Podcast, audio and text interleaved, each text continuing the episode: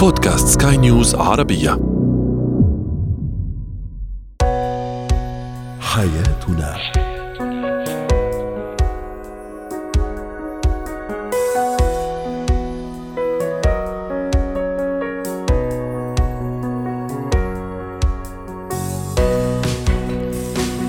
مستمعينا الكرام أهلا بكم معنا إلى حياتنا فضاؤكم اليومي الذي يعنى بشؤون الأسرة وباقي الشؤون الحياتية الأخرى والذي يمكنكم الاستماع إليه عبر منصة سكاي نيوز dot com slash podcast وباقي منصات سكاي نيوز العربيه الأخرى. شاركونا عبر رقم الواتساب 00971 561 88 6223 معي أنا أمال شاب. اليوم نتحدث عن الإجازة الصيفية. كيف تكون إجازة ممتعة من أو خالية من الخلافات والمناوشات أيضا؟ ما هي أهمية التوازن بين البيت والمدرسة بالنسبة للطفل وأخيرا اتكات إعطاء الإكراميات.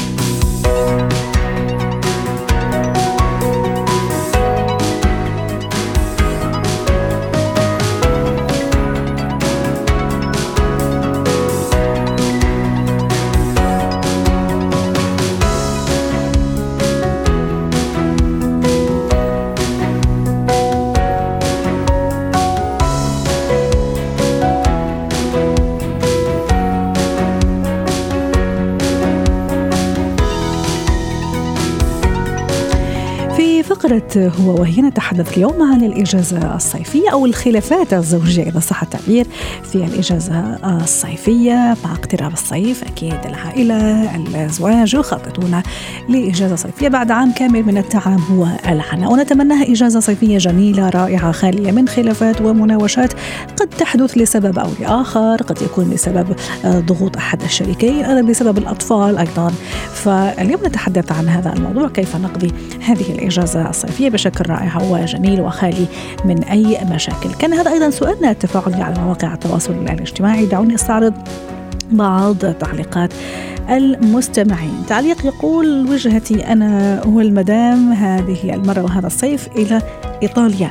ونحن نستعد لأول مرة للسفر كزوجين. نحن أزواج أو زوجان يعني جدد حديثي العهد بالزواج وسنستعد لإيطاليا وإن شاء الله تكون إجازة جميلة وسعيدة. تعليق آخر يقول سأذهب أنا وزوجتي لبلدنا إلى الأردن يقول وأكيد سنستعد بشكل جيد مع الأهل والأحباب. أكيد إن شاء الله تكون إجازة جميلة وسعيدة. نلقى في الأردن تنضم إلينا هذه المرة ضيفتنا العزيزة نهاية الرماوي الاستشارية الأسرية والتربوية. ضيفتنا أهلا وسهلا. دكتورة نهاية أول شيء ألف مبروك. دامت أفراحكم يا رب اليوم العرس الملكي في الأردن.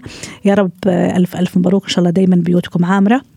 اليوم نتحدث عن الإجازة الصيفية الخالية من الخلافات والمناوشات. دكتورة نهاية كما قلت أحيانا ضغوط يمكن الزوج أو الزوجة أحيانا الأطفال ما نعرف كثير يعني نخطط لإجازتنا وبالتالي ممكن تنتهي بمناوشة وبخلاف. كيف أخطط لها للإجازة حتى تكون خالية من أي خلاف ومناوشات؟ مساء الخير أمال. شكرا لهي المشاعر الحلوة. وإحنا عندنا عرس وطني وهو عرس على صعيد.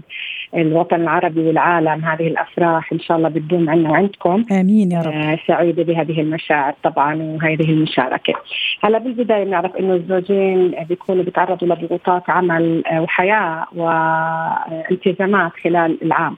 فعندما تأتي العطله الصيفية أو أي إجازة يخطط طبعا الزوجين أو قد لا يخططان لأنه يقضوا فترة بتكون هي إجازة بياخذوها سواء كانت هذه إجازة يعني مفروضة عليهم بال بالعمل أو إنهم اخذوها قطاعا عشان ضغوط الضغوط النفسية.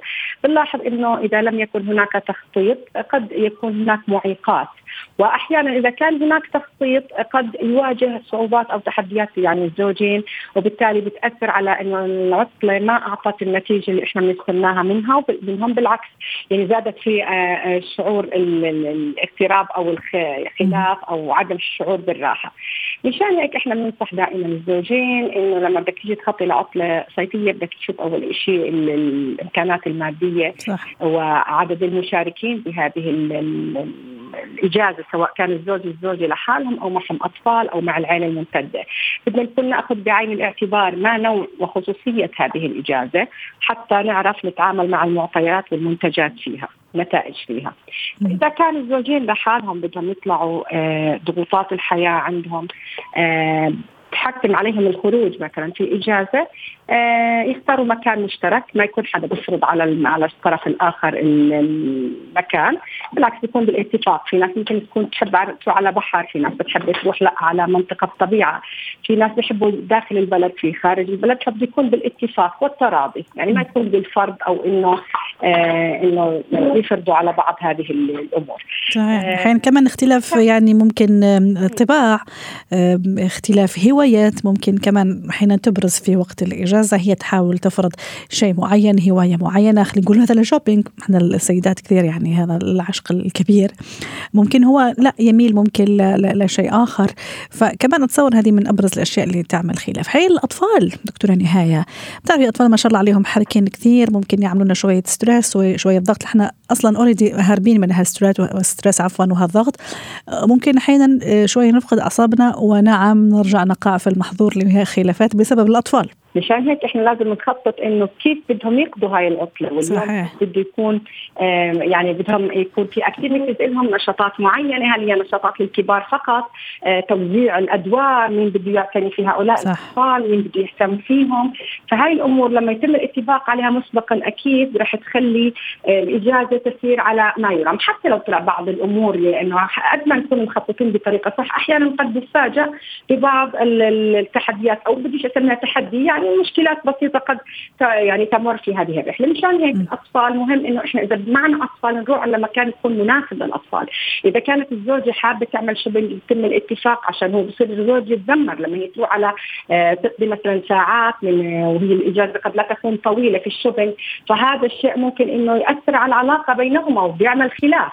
مشان هيك الاتفاق بده يكون مسبق أو في يعني إشارة من الطرف للطرف الآخر عن المهام اللي بيحب يعملها. حتى لما يخططوا هذه الرحلة تكون تناسب جميع افراد الأسرة. الأطفال الزوج الزوجة زي ما حكيت الهوايات اللي هم يشاركوا. مثلا إذا في هواية معينة بحبوا آه، واحد فيهم بحب يكون في هذه يعني تثبت هذه الهواية في هذا المكان. صح. كمان الشريك إنه يدعمه ويحسسه إنه كمان هذا وقتك ومن حقك إنك أنت آه، تعمل الشيء اللي بتحبه. هذا التفهم يؤدي بالتالي إلى شعور الشريك بالراحة والزوج أو الزوجة بالراحة إنه يهتم الطرف الثاني أنا كيف بدي أكون مبسوط يعني دكتورة نهاية أحيانا من بين الأشياء اللي تتكرر في الإجازات خاصة مثلا إذا كانوا هم مغتربين مثلا وفي الإجازة الصيف راحوا مثلا لبلدهم.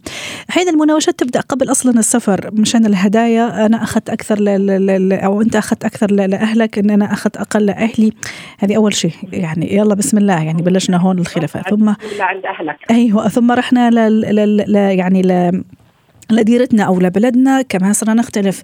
أنا أروح عند والدتك ولا أنزل عند والدتي؟ ما أنا كمان محتاجة يعني أشوف والدتي. عرفت كيف؟ طيب الأولاد من حق يعني آه، جدتهم لأبوهم تشوفهم بس هم معايا. أنا أنا عند مامتي. فكمان هذه مشكلة أخرى وخلاف آخر. مضبوط مشان هيك إحنا نطلع على الاحتياجات ومشاعرنا. يعني إحنا لنا حق. يعني الزوج لها حق والزوج له حق والأطفال كذلك. آه ما يكون طرف آه له يعني سلطة أكثر على الثاني بإنه يمشي الطريقة اللي بيفكر فيها. تفاهم جدا مهم. تراعي مشاعر الطرف الآخر. زي ما أنت حابب تشوف أهلك هي حابه تشوف أهلها والعكس صحيح. زي ما أنت بتحبي اولادك يقضوا وقت عند أهلك كمان يقضوا وقت مع أهل أبوهم حتى تكون حتى نفسيتهم كويس الاطفال وبينشأوا نشأة صحية سليمة لما تكون العلاقات بين طرفي الأسرة علاقات سوية. ما يكون فيها نوع من الخلاف. حتى على شراء الهدايا يعني يكون في اتفاق إنه بالآخر كله من ميزانية الأسرة. إنه ويكون فيها نوع من العدالة. دائما إذا كنت أنت بتعمل عدالة فكل الأمور بتكون حتى الظلم في العدالة بتحسه إنه آه مقبول. لكن لما يكون عادل يعني حتى لو إنه إحنا تغلبنا أو مثلا ما جبناش هدايا لما يكون على الطرفين بتكون عادل. لكن إنه طرف آه وطرف الثاني لا ما بزبط هذا الحكي لأنه بيعمل خلل في العلاقة بين الزوجين إنه بحس بالتحيز. أنا بتحيز لأهلي بتحيز لمشاعري بتحيز لمصلحتي. ما بصير طرفه يكون متحيز دون الطرف الآخر. بدكم تشتغلوا كشركة طرفين فيها. إذا طرف فيهم ما أخذ حقوقه كاملة أكيد هذه الشركة راح تتأثر وراح يأثر عليها سلبا وبالتالي آه، العلاقة بتصير غير سوية وغير مريحة. بالآخر الهدف من أي اجازه إنه إحنا نرجع بنفسية أيوه. نقدر نواجه صعوبات الحياة. إذا ما حققت هذا الهدف فمعناته بدنا نعيد التفكير بإنه الاجازات نتعلم من أخطاء المرات السابقة حتى نتلافاها في الاجازه الحاليه نعم. فيها شكرا لك دكتورة نهاية. ونسيت ما سألتك مخططة شيء؟ الصيفيه ولا لسه؟ والله في روحة على يعني منطقة منطقة حلوة بالبحر. أنا بحب البحر طبيعتي. أه. لازم أشوف البحر ليه؟ عشان شغلي أخفف الضغوطات النفسية. يعني سياحة داخلية هلا هالسنة؟ والله سياحة خارجية قريبة منطقة قبرص عشان يا سلام. وما بتاخذ وقت. فمفكرة إنه آه إن شاء الله بآخر آه شهر ثمانية بإذن الله تعالى التخطيط للاجازة تشعر بمتعة أكثر من الإجازة نفسها. فاحنا بدنا نخطط قبل أو بدنا نعمل شيء عم نستناه خاصة وحتى نظبط أمورنا المادية حتى نظبط حتى أوقاتنا وفي مناسبات عائلية. آه يفضل التخطيط لها مسبقا حتى إنه تشعر بالراحة وما تحس بالضغط من آه وضع الإجازة. الإجازة، والإجازة هي أنا بدي بديش أعتبرها شيء رفاهية، الإنسان يعني لو بقدر إنه حتى من ميزانيته إنه يخصص للترفيه النفسي لأنه كثير بيأثر على صحته النفسية صحيح على صحيح. الجسدية، فهي خطوة مهمة أنا بعتبرها إنه إحنا نرجع للطبيعة ونشوف الطبيعة بفترات معينة حتى يضل عندنا التوازن النفسي دماغنا يضل بحالة صحية منيحة. يلا إجازة سعيدة إن شاء الله يا رب. دكتورة نهاية وإن شاء الله من هون لهذاك الوقت رح نشوفك إن شاء الله على في مواعيد أخرى ومواضيع أخرى. يعطيك ألف عافية. زينة الحياة. ما هي أهمية التوازن بين البيت والمدرسة وسلوك الطفل في الحقيقة بين البيت والمدرسة؟ رحبوا معي بالدكتورة سامية جبري الأخصائية النفسية وتربوية ضيفتي كمان من عمان. أهلا وسهلا دكتورة سامية. شو يعني توازن آه، في سلوك الطفل بين البيت والمدرسة؟ ومين اللي يعمل على تحقيق هذا التوازن أنا كأب وأم مدرسة آه، ولا الطفل كمان عنده مسؤولية؟ كيف تصير المعادلة؟ هلا دائما آه، العلاقة بين آه، البيت والمدرسة هي طبعا أهم شيء للطفل آه، بالفترة العمرية اللي هو بيكون موجود فيها. لأنه هو تقريبا نص الوقت بيقضيه في البيت والنص الثاني بيكون في المدرسة. فهون بالتوازن بنقصد إنه يفترض إنه يكون المدرسة والبيت في بينهم دائما يعني تواصل. طو... آه تواصل هاي أول شيء؟ ثاني شيء إنه أنا أكون لما بدي آه، أربي ابني بالطريقة اللي أنا بشوفها مناسبة كأهل طبعا كل كل أسرة ولها آه، الأساسيات في تربية الأطفال. تختلف مرات من أسرة لأسرة بس هي بالمجمل تقريبا 90% كلها بتكون آه، قريبة من بعض. بس بنفس الوقت في مدارس بتوافقنا وفي مدارس لا. فالأهل هنا دائما لما بدهم أصلا يكون في توازن بين البيت والمدرسة أنا بدي أشوف المدرسة المناسبة لإلي أنا كأهل أحط ابني فيها عشان أنا أقدر يصير في عندي آه، موافقة أو توازن آه، بطريقة آه، تفكير ابني كمان وبطريقة تربية ابني. فهدول أهم نقطتين. التفكير بياخذوا طبعا كلياته من المدرسة من المواد اللي بياخذها من الحصص اللي بياخذها في المدرسة. وبنفس الوقت التربية التربية كمان بتكون موجودة في المدرسة زي ما أنا بكون يعني حابة تكون موجودة وهي بتختلف من مدرسة طبعا لأخرى. فهون أنا دائما كأهل بدي أنتبه شو هي المدرسة اللي أنا بودي ابني عليها. يعني آه شو شو الأساسيات اللي موجودة عندهم؟ كيف طريقة البرنامج البرامج اللي موجودة عندهم؟ المنهاج المنهج التربوي ومنهج الدراسي. أكيد. رائع. ويكون متوافق معنا إحنا كأهل يعني حسب الأهل هن شو شو بحبوا ابنهم إنه ياخذ المنهج المناسب لهم أو ممكن يكون مش مناسب لهم فأكيد يعني ساعتها ما راح يروح على المدرسة اللي يعني إذا إذا عم نحكي على ضرورة اختيار مدرسة تكون مناسبة متوافقة سواء من ناحية المنهاج التربوي والمنهج التربوي. شو بيعطوه مثلا؟ يعني الأهداف كمان اللي عم تبني عليها هذه المدرسة يعني منهاجها. هل تتناسب معي أو لا تتناسب حتى ما يصير فيها الاختلال آه، في توازن طفلي وفي سلوكه؟ شيء آخر كمان تنصحي فيه دكتورة سامية؟ لا كمان نفس الشيء إحنا عندنا في البيت آه، كأهل. يعني آه، يكون في عنا آه، نظام موجود عندنا في في في الأسرة نفسها. نعم. وبده يكون طبعا دائما هذا النظام بين الأم والأب في توافق. يعني ما أجي أنا آه، إذا بدنا نحكي بالطريقة العامية كأم أجي أقول لابني لا والأب يقول آه مثلا. على أي آه، موقف أو أي مثلا قرار ابني بده إياه أو ياخده آه، في حياته فيكون في تناقض بين الأم والأب. هذا الإشي كثير بيأثر بطريقة سلبية على الطفل. فهون أنا كمان كأسرة بده يكون في عندي نظام. هذا النظام أكون أنا أمشي عليه آه، في البيت. ويكون في توافق بيني وبين آه، الأم والأب. وكمان نفس الشيء الطفل يكون يبلش من هو وصغير يربي يربوا عفوا الأهل فيهم آه، هذا الموضوع. رائع. آه كمان موضوع أنا حابة اثيره أو نقطة حابة أثيرها دكتورة سامية. آه موضوع كمان آه قصدي المدرسة مثلا أو أنا نظرتي كأب وأم وأسرة للمدرسة آه، فيها الاحترام فيها التقدير فيها الامتنان الاعتراف بدورها ولازم الطفل هذا يستشعر هذا الشيء. ونفس الشيء كمان أنا آه، رأيي في كمؤسسة تعليمية وتربوية كمان في أهمية الأسرة الأسرة الطفل اللي جاي منها أو الطالب اللي جاي منها كمان فيها التقدير فيها الاعتراف فيها الامتنان وكمان لازم يستشعر الطفل هذا الشيء حتى ما يصير له اختلال كمان في سلوكه في توازنه وفي مفاهيمه أيضا. أكيد أكيد. يعني دائما كمان إحنا في نقطة تانية كتير مهمة. م. بدنا دائما ننتبه لقدرات طفلنا. جميل. هلأ مثلا في أطفال قدراتهم عالية في أطفال قدراتهم متوسطة في أطفال قدراتهم الدنية.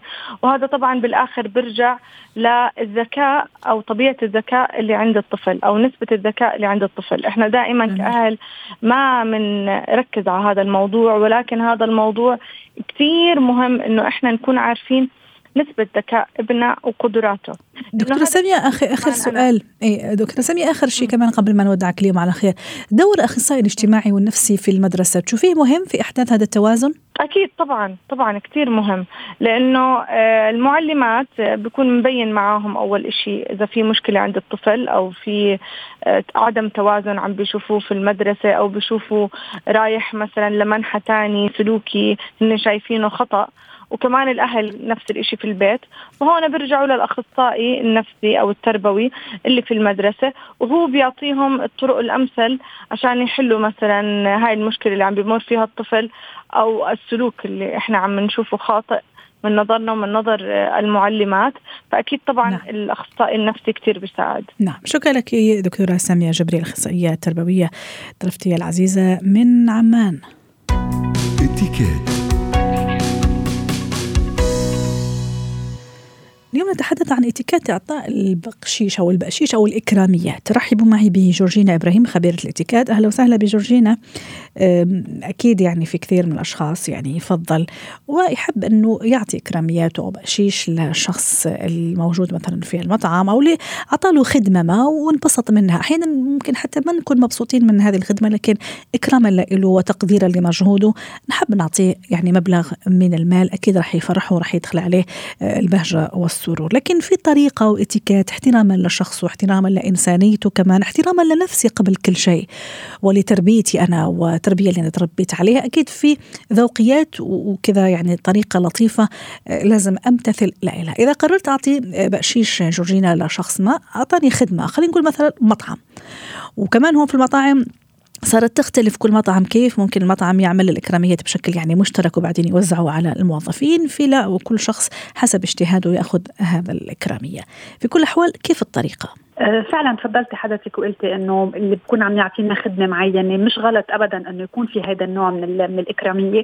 وبس نحكي عن هذا الموضوع. أول شيء بيخطر على بالنا المطاعم لأنه بطبيعة الحال كلنا بنظهر على المطاعم ونكون عرضة لهالموضوع. وبنفكر بهالموضوع قديش يا ترى شو النسبة؟ يعني خلينا كمان نحكي هون عن النسبة لأنه صحيح. بالاتيكيت بيقولوا لك إنه من المفضل إنه تكون النسبة بين 10 و 15% من مجموع ال ال يعني المبلغ يلي أنت بدك تدفعي. يعني مثلا إذا عم من مجموع فاتورتي قصدك. مزبوط مزبوط. يعني إذا المبلغ 100 درهم عم بعطي مثل مش غلط يكون 110 أو 115 بطبيعة بطبيعة الحال. بيسوى يكون أكثر مش غلط. يعني إذا أنت هالشخص يلي هال waiter أو ال waitress يلي كان عندهم service فعلا كثير كثير مميز مش غلط فيك تطلعي أكثر بس إنه حتى نعتمد إذا بدنا نقول مثل هيك percentage معين أو نسبة معينة الكل بيتوافق عليها إنه هذا يلي بيكون عم عم يندفع ك إكرامية أو تب أو بخشيش مثل ما نحن بنقول بلهجتنا. ف هلأ شو هي الطريقة وتفضلتي حضرتك هون عم تغيرت الأمور صرنا كلنا سوا بندفع بالكارت هلأ. صحيح. هيك في فكرة حلوة فكرة حلوة هيك يعني أنا بحبذها وأنا شخصيا بطبقها. إنه بما إنه كل حياتنا كلنا سوا عم ندفع بالكارد وصار كله تكنولوجي وما حدا معه كاش ولا مرة بتصير معنا. ولكن أنا على طول بعمل حسابي وهي مفضلة يعني نحكيها إنه يندفع التب أو الإكرامية تندفع كاش لسبب كتير بسيط إنه آه، هيك بيحصل عليها يعني الموظف يمكن بذات الليلة يعني آخر النهار لما نكون عم يعملوا حساباتهم بيحصل عليها. وبتعرفي نحن هالوظائف يلي هي عم نحكي عنها بالمطاعم بالكافيات بال يعني الوظائف اللي هي هيك ال entry level نعم. هن معاشاتهم بتكون فعلا نوعا ما متدنية. فهن حتى هن وعم بيوظفوهن بال recruitment بيقولوا لهم إنه معاشكم هذا المبلغ وأكيد تتوقعوا هذا المبلغ tip so على طول هذا المبلغ يعني الإكراميات بيكون مثل محسوبة نوعا ما بال نعم. بال job offer كله سبب. فهول الأشخاص بمحل من المحلات عم يعتمدوا على ال tip.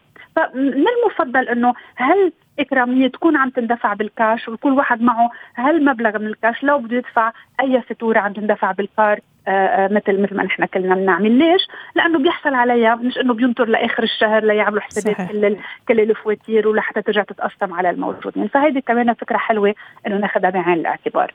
جميل. طب في نقطة أخرى حابة تشيري لها آه، جورجينا ونحن عم نعطي الإكرامية أحيانا ممكن يكون قدام زملائه ممكن ما بعرف أحيانا بيشعر هو بإحراج. هل عادي؟ ممكن أحيانا زملائه كمان عم يلاحظوا يعني هو عم ياخذ الإكرامية. عادي ولا ممكن اعطيه إياها بشكل يعني مثل ما بيقولوا discret يعني بشكل هيك يعني مش علني عرفتي كيف؟ إيه. هلا حسب حسب ال situation اللي نحن فيها مش غلط يعني. أول شيء مهم انه عم يعني أطلع بالشخص أشكره. يعني عرفتي بالنهاية كمان هالابتسامة وهالنظرة بالشخص إنه أنا عم بحترم الشخص اللي قدامي. وتكون بطريقة كمان اي مثل ما قلتي يعني مش ضروري الكل يعرف المبلغ بإيدي قد إيه إذا خمس دراهم ولا خمسين ولا مية ولا عشرة مش ضروري حدا يعرف. يعني تكون بطريقة مثل ما قلتي حضرتك هيك ديسكريت آه، آه، مش ضروري الكل يعرف وبالنهاية يعني هن الموظفين بالمطاعم. بطبيعة الحال هن خلينا نحكي يعني بيتوقعوا يكون في tip يعني كمان تكون الأشياء مش إنه حدا رح يستغرب. هي لا مع إنه بكثير محلات تانية ال tip منا منا منا مقبولة. يعني هن ممنوع عليهم. يمكن عم بحكي بال health care بالتمريض صح. هذه ال category ممنوع عليهم يعني. وفي كمان البعض يقول لك أنا ما أعطي لأنه هو هيك هيك عم ياخذ يعني من يعني من جهه من جهة العمل فأنا ما أعطي. لكن إحنا عم نحكي إذا يعني مش غلط بالعكس مثل ما قلنا يعني تقديرا لخدمته ولإنسانيته. أحيانا بعض المطاعم كمان تيجي تسأل ما أدري هذا إذا صح ولا لا. أنت تدفعي الفاتورة بعدين يجي يسألك أه، بدك كمان تعطي إكسترا مثلا بقشيش للموظفين بيصير هذا ولا لا؟ هي هي منا حلوة تنسأل. هيدي يعني نحن هي مش قصة إجباري ولكن هي كأنه كأنه هيك شكرا بطريقة غير غير مباشرة لهال لهالأشخاص اللي هن مثل ما قلت أنا بكثير أوقات فعلا بيعتمدوا على ال tip لحتى يكونوا يعني عم يوصلوا لآخر لآخر الشهر في عندهم مبلغ يعني مقبول من من المدخول. هي منا منا لائقة ينسأل يعني كأنك عم تجبري ال client يمكن ال client آه، ما كان مبسوط يمكن الأكل ما عجبه يمكن الخدمة ما عجبته. هون بسبب إحراج ونحن أكيد بالإتيكيت ما بدنا نكون عم نسبب إحراج لأي حدا. هي هي من جوا بدها تطلع. أنت يمكن أنا إذا انبسطت بالخدمة بعطي أكثر من 15% بالعكس يعني أنا بكون عن جد عم بقول له لهذا الشخص. وشغلة كمان كثير مهم نقول ليمكن لصاحب المطعم أو مدير المطعم إنه هذا الشخص فعلا عمل خدمة مميزة. فهيدي كمان ممتاز. أكثر من ال tip هيدي بكون أنا عم بمدح فيه وبشغله وعم بعطيه credit credit له على فكرة على سيرة ال credit كمان والشهادة هذه اللي تعطى في حقهم. أحيانا كمان صرنا نشوف مثلا هو آخر شيء مثلا يجيب لك application مثلا يقول لك please قيميني لأنه كمان بناء على تقييمك أو تقييم ال ال يعني ال client راح كمان هو ممكن آه، يعطوا له الاكراميه شكرا لك جورجينا إبراهيم خبيرة الاتيكيت ضيفتي العزيزة وأتمنى لك أوقات سعيدة. ختام حلقة اليوم من حياتنا. شكرا لكم وإلى اللقاء.